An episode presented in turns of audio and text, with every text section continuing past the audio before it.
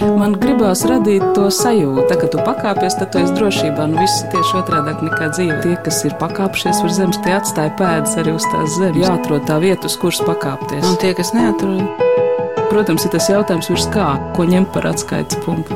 augstāk par zemi. Augstāk par zemi. Augstāk par zemi.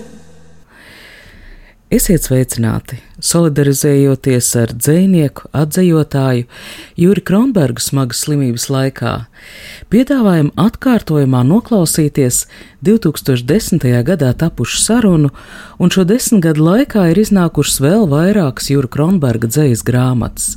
Viņa mākoņu grāmata dzēja bērniem, Nobel prēmijas laureāta Tomas Transtrēmera latviskojumi, krājums uz balkonu, bet ja visu laiku 2016. gadā saņēma Latvijas literatūras gada balvu. Bet 2010. gadā, kad top šis raidījums, pirms diviem gadiem iznākusi Jūra Kronberga trimdā rakstītās dzejas izlase, un viņa vilks vienacis, ne tikai lasāms, bet noklausāms arī skaniski autora lasījumā, Kristap Graša muzikā. Savādi, bet arī vilks vienacis ir dzejas krājums, kas tapa slimības iedvesmots.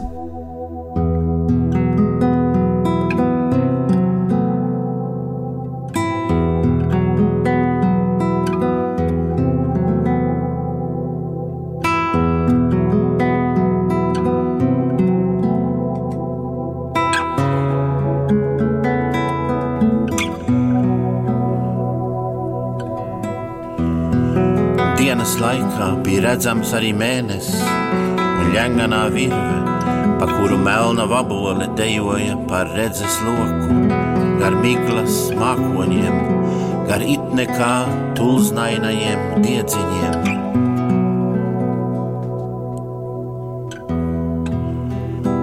Un neviens nebija stāstījis par akvāriju galvā. Lēnām, bet mērķiecīgi to piepildīt. Jura Kronberga, lasītais un sarakstītais Vilks Vienacis. Dzēnieks, ko zviedri dēvē par savējo, bet pats viņš par savu dzīslu telpu sauc latviešu valodu. Vilks vienāds esot bijis izņēmums. Pirmais dzīsls darbs, kas taps uzreiz divās valodās - latviešu un zviedru. Dzējs tulks, kura gauma un izpratne, kalpojot par latviešu kultūras vēstnieku 90. gados, iekarojas respektu Zviedru sabiedrībā. Šobrīd, varētu teikt, notiek atgriezenisks process.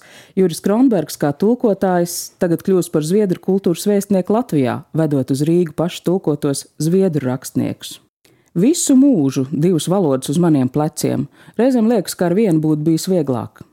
Atdodot parādreiz satrūkušajai kultūra telpai, Latvijā iznāca krājums Trimds anatomija, kurā ir Jūra Kronberga rakstītie un trimdā iznākušie dzējoļi līdz 1991. gadam. Un kas man likās interesanti, ka no dažiem krājumiem tur ir tikai pāris dzējoļi, piemēram, no 76. gadā, ja nemaldos, izdotajām bizzālēm.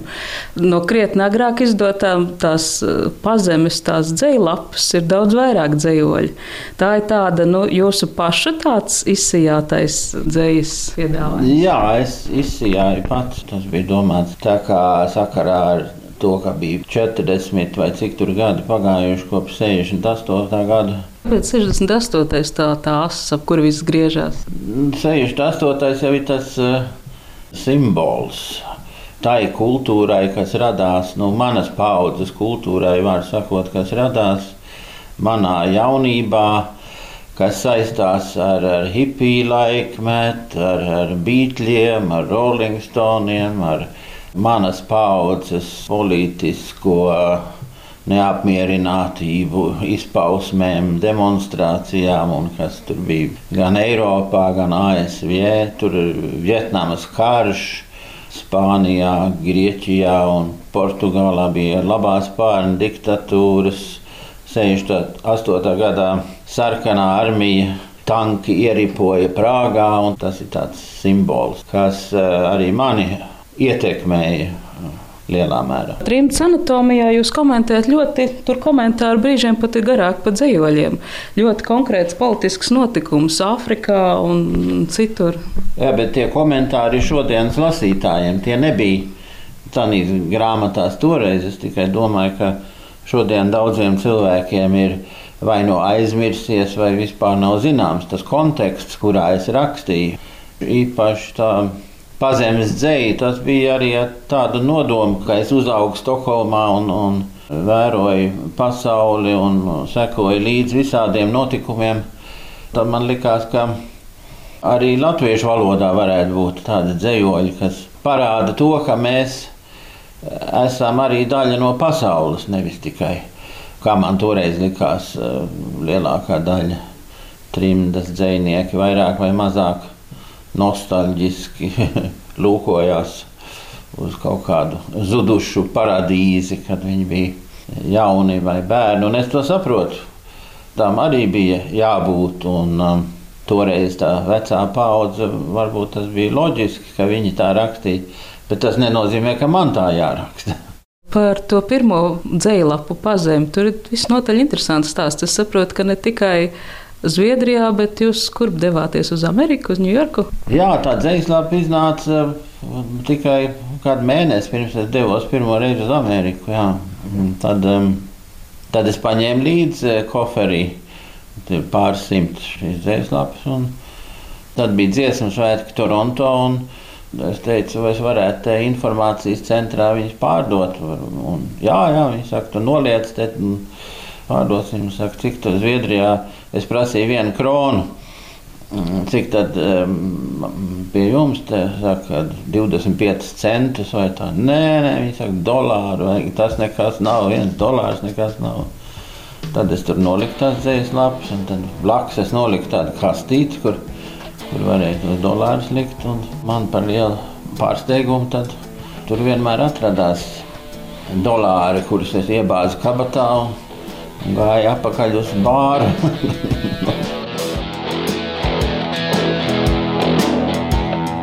Vai šī nav slavenā Ņujorka?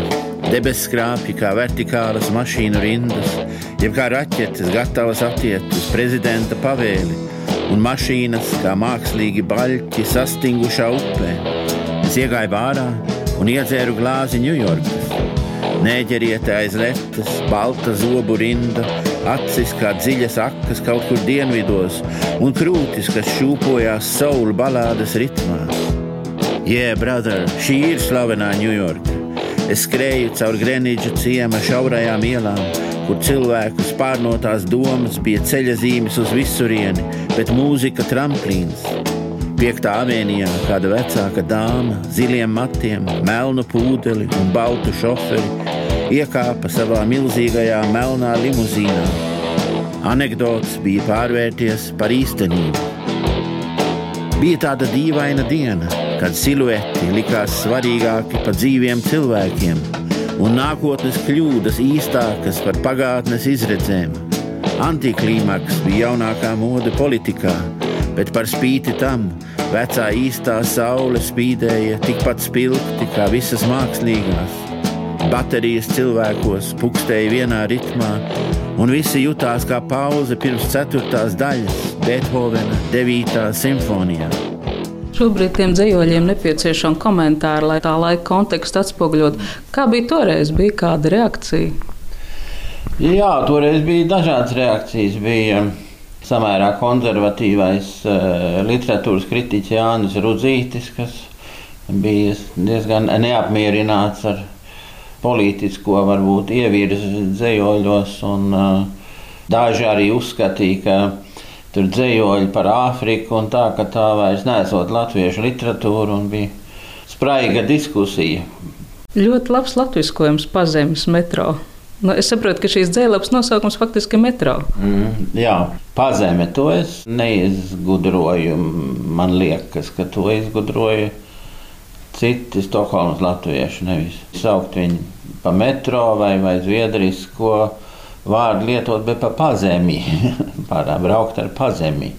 Un tā, ja es strādāju nedēļas nogalēs Stokholmas metro biļešu kasē un, un tur arī rakstīju. Zēju dažreiz kaut kādā priekšpilsētas stacijā tur pārāk daudz cilvēku neapgrozījās, īpaši vakara stundā vai naktas laikā, un tā varēja gan lasīt, gan rakstīt. Ja vajadzēja piepelnīties, strādāju arī darbdienās, bet naktīs tad tajā laikā es lasīju visādus 19. gadsimta biezos romānus un pats arī rakstīju. Nedomāju par to, ka es būšu dzinieks, ja es esmu dzinieks. Es, tādus vārdus es vispār, man tādu jēdzienu, man, es vienkārši rakstīju, jo man patika. Un tad es domāju, domāju es tagad esmu Stokholmā, sēžu metro kaut kur kalnā iekšā un es rakstu dzējoļus eh, valodā, kas ir apdraudēta, jo toreiz tā pārkrievošanās, tas drauds un viss apdraudēta. Un uh, manas dzējoļus varbūt diez vai vispār, cik pāris cilvēki izlasīs. Tā kā man tas nav saistīts ar nekādu karjeru, nekādu naudas pelnīšanu. Tur nebija nekādi blakus apstākļi. Tur bija tikai tikai tā, tā mana paša vajadzība, un, un tad es izjūtu tādu lielu brīvības. Es tik sīki par to pazemi un pazemiem izprast, tāpēc, ka man brīžiem ir sajūta, ka jūs visu laiku esat tādā paralēlajā telpā dzīvojis. Tā ir tā metro, tā pazemju pasaule, bet tā ir arī latviešu valoda. Jā, nu, tas jau bija tā, ka es uzaugu pilsētas daļā, un pat mūsu tādā mājā tur bija vairākas latviešu ģimenes, diezgan daudz bērni mēs eh, runājām tikai latviešu valodu. Es faktiski zviedru valodu sāku runāt ar to, ka es sāku iet skolā. Tad eh, man tas likās dīvaini, ka tā var būt, uz ielas un veikalos un tramvajos, kad, kad cilvēki runā to pašu valodu, kuru tu runā mājās. Man tas likās kā kaut kas tāds fantastisks brīnums. Domāju, es to gribētu kādreiz piedzīvot. Un, un, um, Tad otra lieta bija, ka mans tēvs bija gleznotājs. Viņš bija 30. gados studējis mākslu uh, Parīzē. Uh, viņa sapnis vienmēr bija atgriezties Parīzē un, un ka mēs dzīvosim tur. Un, uh, viņš dabūs kontraktu ar kādu labu Parīzes galēriju, un, un tad mēs tur dzīvosim. Tāpēc viņi nekad nekļuva par Zviedrijas pavalsniekiem, jeb pilsoņiem. Tad, kad es biju tādā vecumā, ka es pats varētu izvēlēties, tad es domāju, ka tas Zviedru jēdziens bezvalsts, ka es esmu bezvalsts, ka tas, es domāju, tas ir ļoti atbilstoši. Un tad es uh, arī nepieņēmu to Zviedrijas pavalsniecību. Tad man bija tāda Zviedrijas uh, ārzemnieku pase, jeb Zviedrijas svešnieku pase. To sauc. Un angliskā tulkojumā Swedish Alien Passport. Kā jūs zināt, alien arī nozīmē citu planēti. Tā kā mm, tās man vajadzēja vīzu uz, uz visām zemēm, kur es braucu.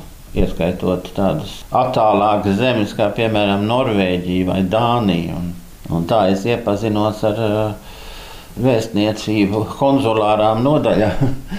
jau mm, Latvijas vēstniecība Londonā un Vašingtonā jau darbojās visus tos gadus. Tad dabūja Latvijas pasi, Latvijas ārzemes pasi, kur um, nebija lietojama, protams, praktiskā dzīvē. Tas bija tikai tāds simbols. Bet gadījās, ka es šķērsoju kādu robežu, kas parādīja vispirms to Latvijas pasu. Un, un tad viņi saka, jā, bet tev vajadzīgs arī kaut kāds cits dokuments. Un tad es izvilku to Zviedrijas Bet vispār jau bija diezgan sarežģīti, jo tajā laikā jau Eiropā arī nebija joka ar visām tam studentu nemieriem, tiem Bādara Mainhofa teroristiem Vācijā. Tā kā es nācu ar savu pasi un vēl tādu pagāri mati un bārda, un tad jau ilgi tur pētīja. Un, un tā. es ilgošos pa pusēji, pēc laika pirms, pa pusēji saredzēt visu tā, kā tas īstenībā ir. Pa pusē teikums tiks salauzts, pa pusē lēciens pār strautu izdosies, pa pusē.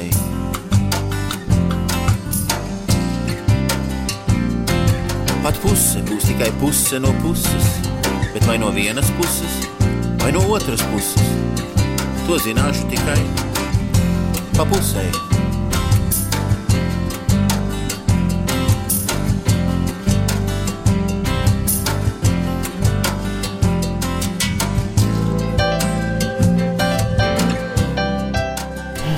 Kaut kādā brīdī tas pārtapa visnotaļ cienījamā nosaukumā - kultūras atašais Latvijas vēstniecībā Stokholmā. Man par lielu pārsteigumu. Es jau ne, nekad nebiju tā domājis, ka es nodarbošos ar diplomātiju, ne, ne dzērumā, ne skaidrā. Man tas nebija ienācis prātā. Bet, bet kultūras atašais tas ir diplomāta darbs. Es piedalos vēstniecības ikdienas darbā. Man ir kontakti ar eh, zviedru žurnālistiem, ar kultūras eh, dzīves pārstāvjiem. Man laimējās ar to, ka viena daļa no kultūras personībām es jau pazinu pirms es sāku strādāt vēstniecībā. Un, un arī Latvijas, protams, kultūras personības es pazinu vienu daļu. Tā kā man bija viegls starts, bez tam man nebija nekāda budžeta kultūras apmaiņai. Man bija vispirms jāizstāsta Zviedriem, cik fantastiska ir Latvijas kultūra. Kāda te ir fantastiski tādi un tādi kultūras eh, darbinieki vai izpausmes un ka viņi ir nepieciešami Zviedriem, bet ka Zviedriem arī ir par to jāsamaksā. Un kāpēc kultūras diplomāti parasti ir diezgan ilgi vienā zemē, jo tur paiet ilgs laiks, kamēr nodibina tos kontaktus, un kultūras dzīvē tas ir ļoti svarīgi. Īpaši šādā situācijā, kur ja es pasaku kādam, zinu, vajadzētu šo es nezinu, dziedātāju vai orķestri vai dzinieku aicināt uz Zviedriju, jo tas ir kaut kas baigi labs. Tad uh, man bija tā laime, ka es pazinu cilvēku, kuri paļāvās uz to, ka tas būs kaut kas labs. Un es arī, tā kā es esmu uzaugusi Zviedrijā, es arī izjūtu to, kas ir iespējams. Un, kā man likās. Pēc 90. gadiem jūsu dzīslas grāmatas patiešām iznāk Latvijā. Teiksim, 2002. gadā ir grāmatu notikuma apvārsnes. Guns Berels recenzē šo dzīslu krājumu ar diezgan amizantu pastāstīņu. Tātad šie dzīvoļi, droši vien jūs pats to izstāstīt labāk, bet nu, es īsi pārstāstīšu, lai jūs saprotat, ko es gribu jautāt. Tātad šie dzīvoļi tapuši no 2001. gada 11. septembra līdz 3. novembrim.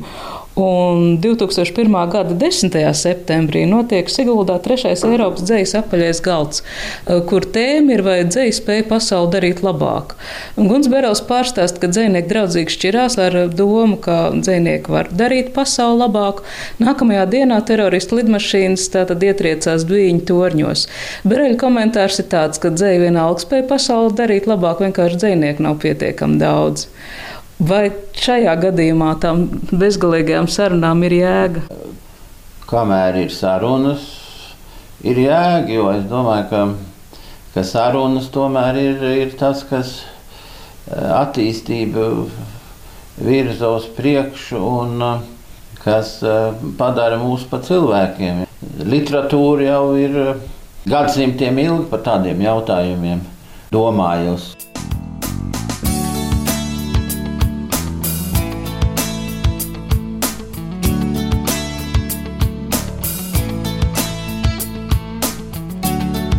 Kādu rītu viņš uzmodās, justams nāsīs savādu smaku. Blakus stāvēja nāve, un nāve teica: Nāc, skriesimies!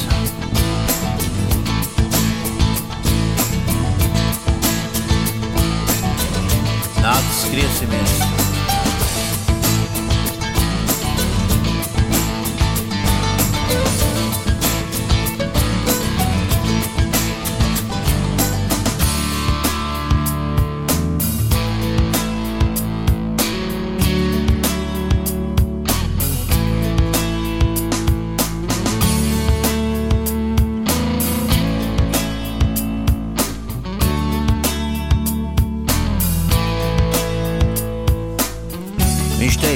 Ej projām, tu vecā zagle, kamēr es vēl spēšu pakustēt. Es būšu sprungulis tev kāju priekšā, plosīšu tevi, tavu ēnu un visus tavus BMW braucošos draugus. Bet nāve teica: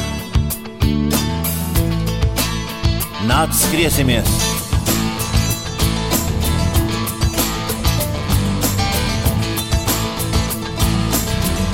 Nāc, skriesimies!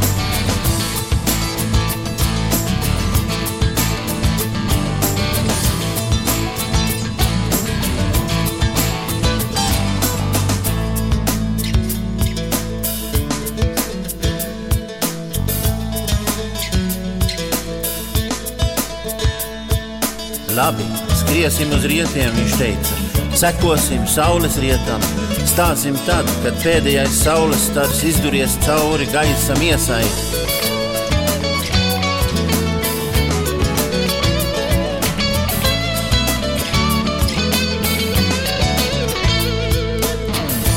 Tā viņi skrēja sānu pie sāna, nāve ar smaku un ēnu, vilks ar kažoku un zobiem, asiem kā dažlaba vārda sekas.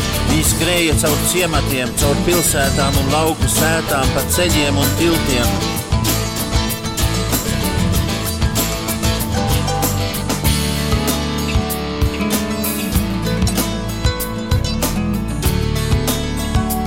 Pamazām nāve manāmi gura jo pats skriedamās darīja savu darbu. Zinādama, ka vilks būs pirmais, tā nodevīgi gribēja grābt viņu aiz sprandas, bet trāpīja acī. Tā tas notika toreiz, kad nāve tīkoja viņa miesu. Tā tas notika toreiz, kad nāve sāka ņemt savu tiesu.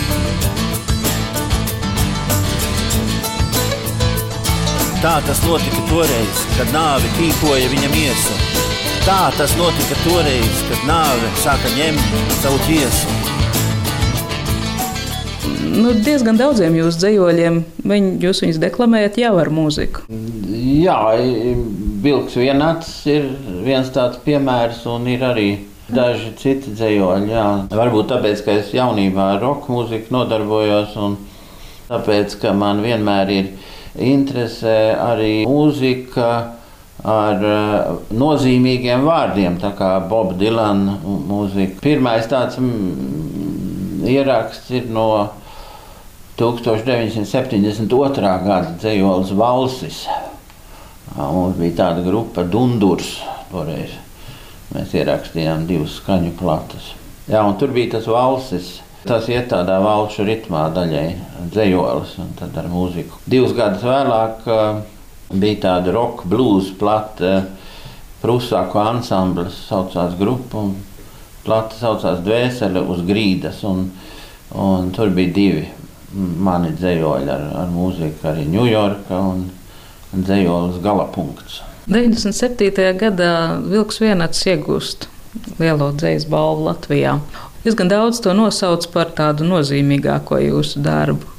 Man faktiski neinteresē tas vērtējums, vai tas ir nozīmīgākais, bet tas, ka daudziem cilvēkiem tas acīm redzot kaut ko ir nozīmējis. Jā, to es esmu manījis. Ne tikai Latvijā un latviešu valodā, bet tas arī ir visvairāk tūkotais. Ne jau visa grāmata visās valodās, bet, bet atsevišķi dzējoļi, ja tā rēķina, es domāju, kāds 20 valodās ir. Un To es nebiju gaidījis, jo es neko nebiju vispār gaidījis. Es tikai rakstīju, tāpēc ka es um, nevarēju viņu nerakstīt. Un, uh, savā ziņā tas ir varbūt viss tāds privātākais mans dzēju krājums.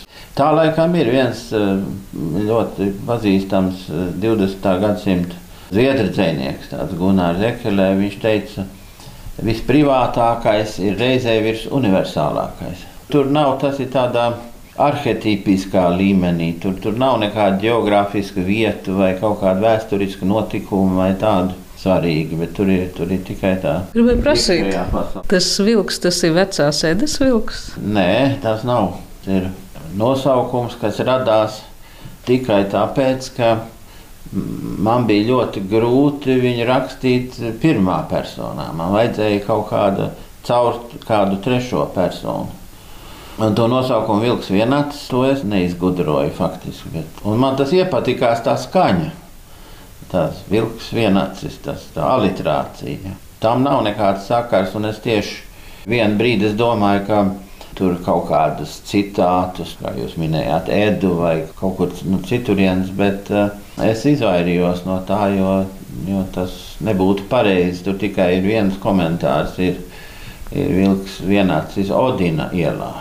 Un uh, Odins bija skandināvu dievs, kurš brīvprātīgi sevi pakāra pasaules kokā un izdūra aci, lai sasniegtu to visaugstāko gudrību. Tas ir arī vienīgais dzējols vilkā vienācī, kas ir ļoti eh, daudz ikdienišķīgāks kā citi, tāpēc, kad sagadīšanās pēc uh, Latvijas vēstniecība, kuras toreiz strādāja, atrodas Odina ielā Stokholmā. tā situācija par tām pareizi un nepareizi novietotām mašīnām uz ielas, tā ir autentiski. Tā mums bija problēma tajā laikā, kad tur bija pamāca vietas, tur laikam pārbūvēja to ielu vai kaut kas tamlīdzīgs.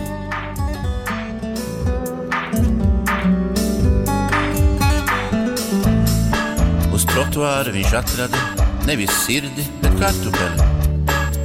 Tas nebija pat apaļš, bet nevienāds un pabeigts, kā teikums kādā cildinātā, bet centīgā literārā darbā.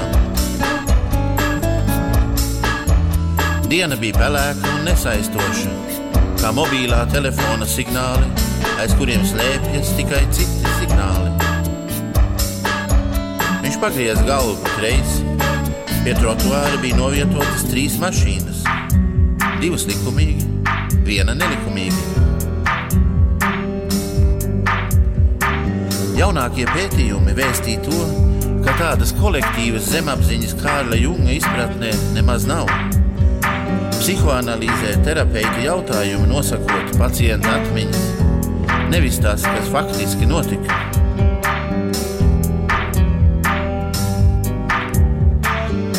Kas tad faktiski notika?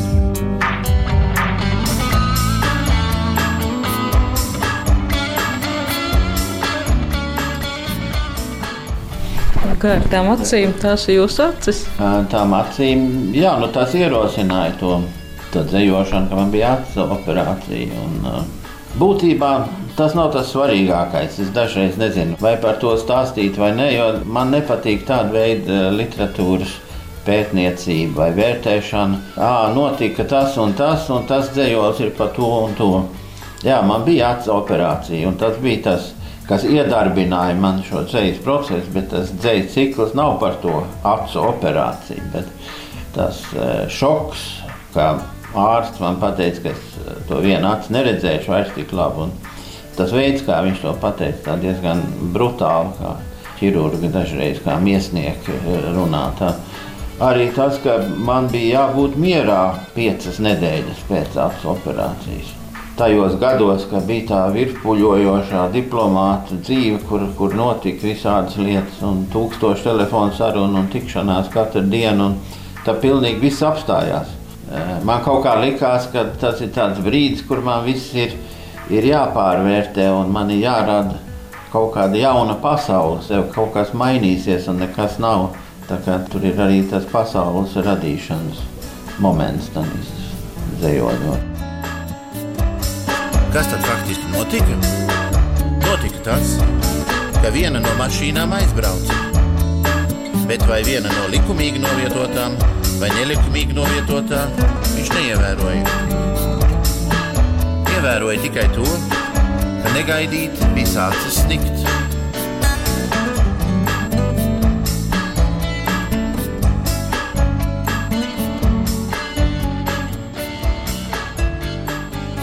Ar dzinieku atzīvotāju Juru Kronbergu 2010. gadā sarunājās Anna Bušvica, šī raidījuma skaņoperatore Nora Mitspapa. Fragmenti no Jura Kronberga, Kristapa Graša, Vilka Vienača skanēs arī šo piekdienu, 26. jūnijā, pulksten 5. pēcpusdienā Andalūzijas sunī, kafejnīcā Rīgā Berga bazārā, kur notiks dzēniekam Jurim Kronbergam veltīts vakars Jura Kronberga dzēja un draugi. Draugu vidū rakstnieks no Rikstena, dzēnieks Gunters Godiņš, aktieri Guna Zariņš, Kaspars Znotiņš, Gards Lapoška. Pasākuma viens no mērķiem ar Klaida Latviešu biedrības Elja 50 starpniecību vākt arī ziedojums dzēniekam esošo izdevumu sekšanai. Vairāk informācijas meklējiet Eljas vai Latvijas radio mājaslapā. Slimības pāriet, dzēja ir. Man gribās radīt to sajūtu, ka tu pakāpies, tad tu esi drošībā. Nu, viss tieši otrādi nekā dzīve. Tie, kas ir pakāpšies uz zemes, tie atstāja pēdas arī uz tās zemes. Jāatrod tā vieta, uz kuras pakāpties. Un tie, kas neatrod, protams, ir tas jautājums, virs kā, ko ņemt par atskaites punktu. Augstāk par zemi. Augstāk par zemi. Augstāk par zemi.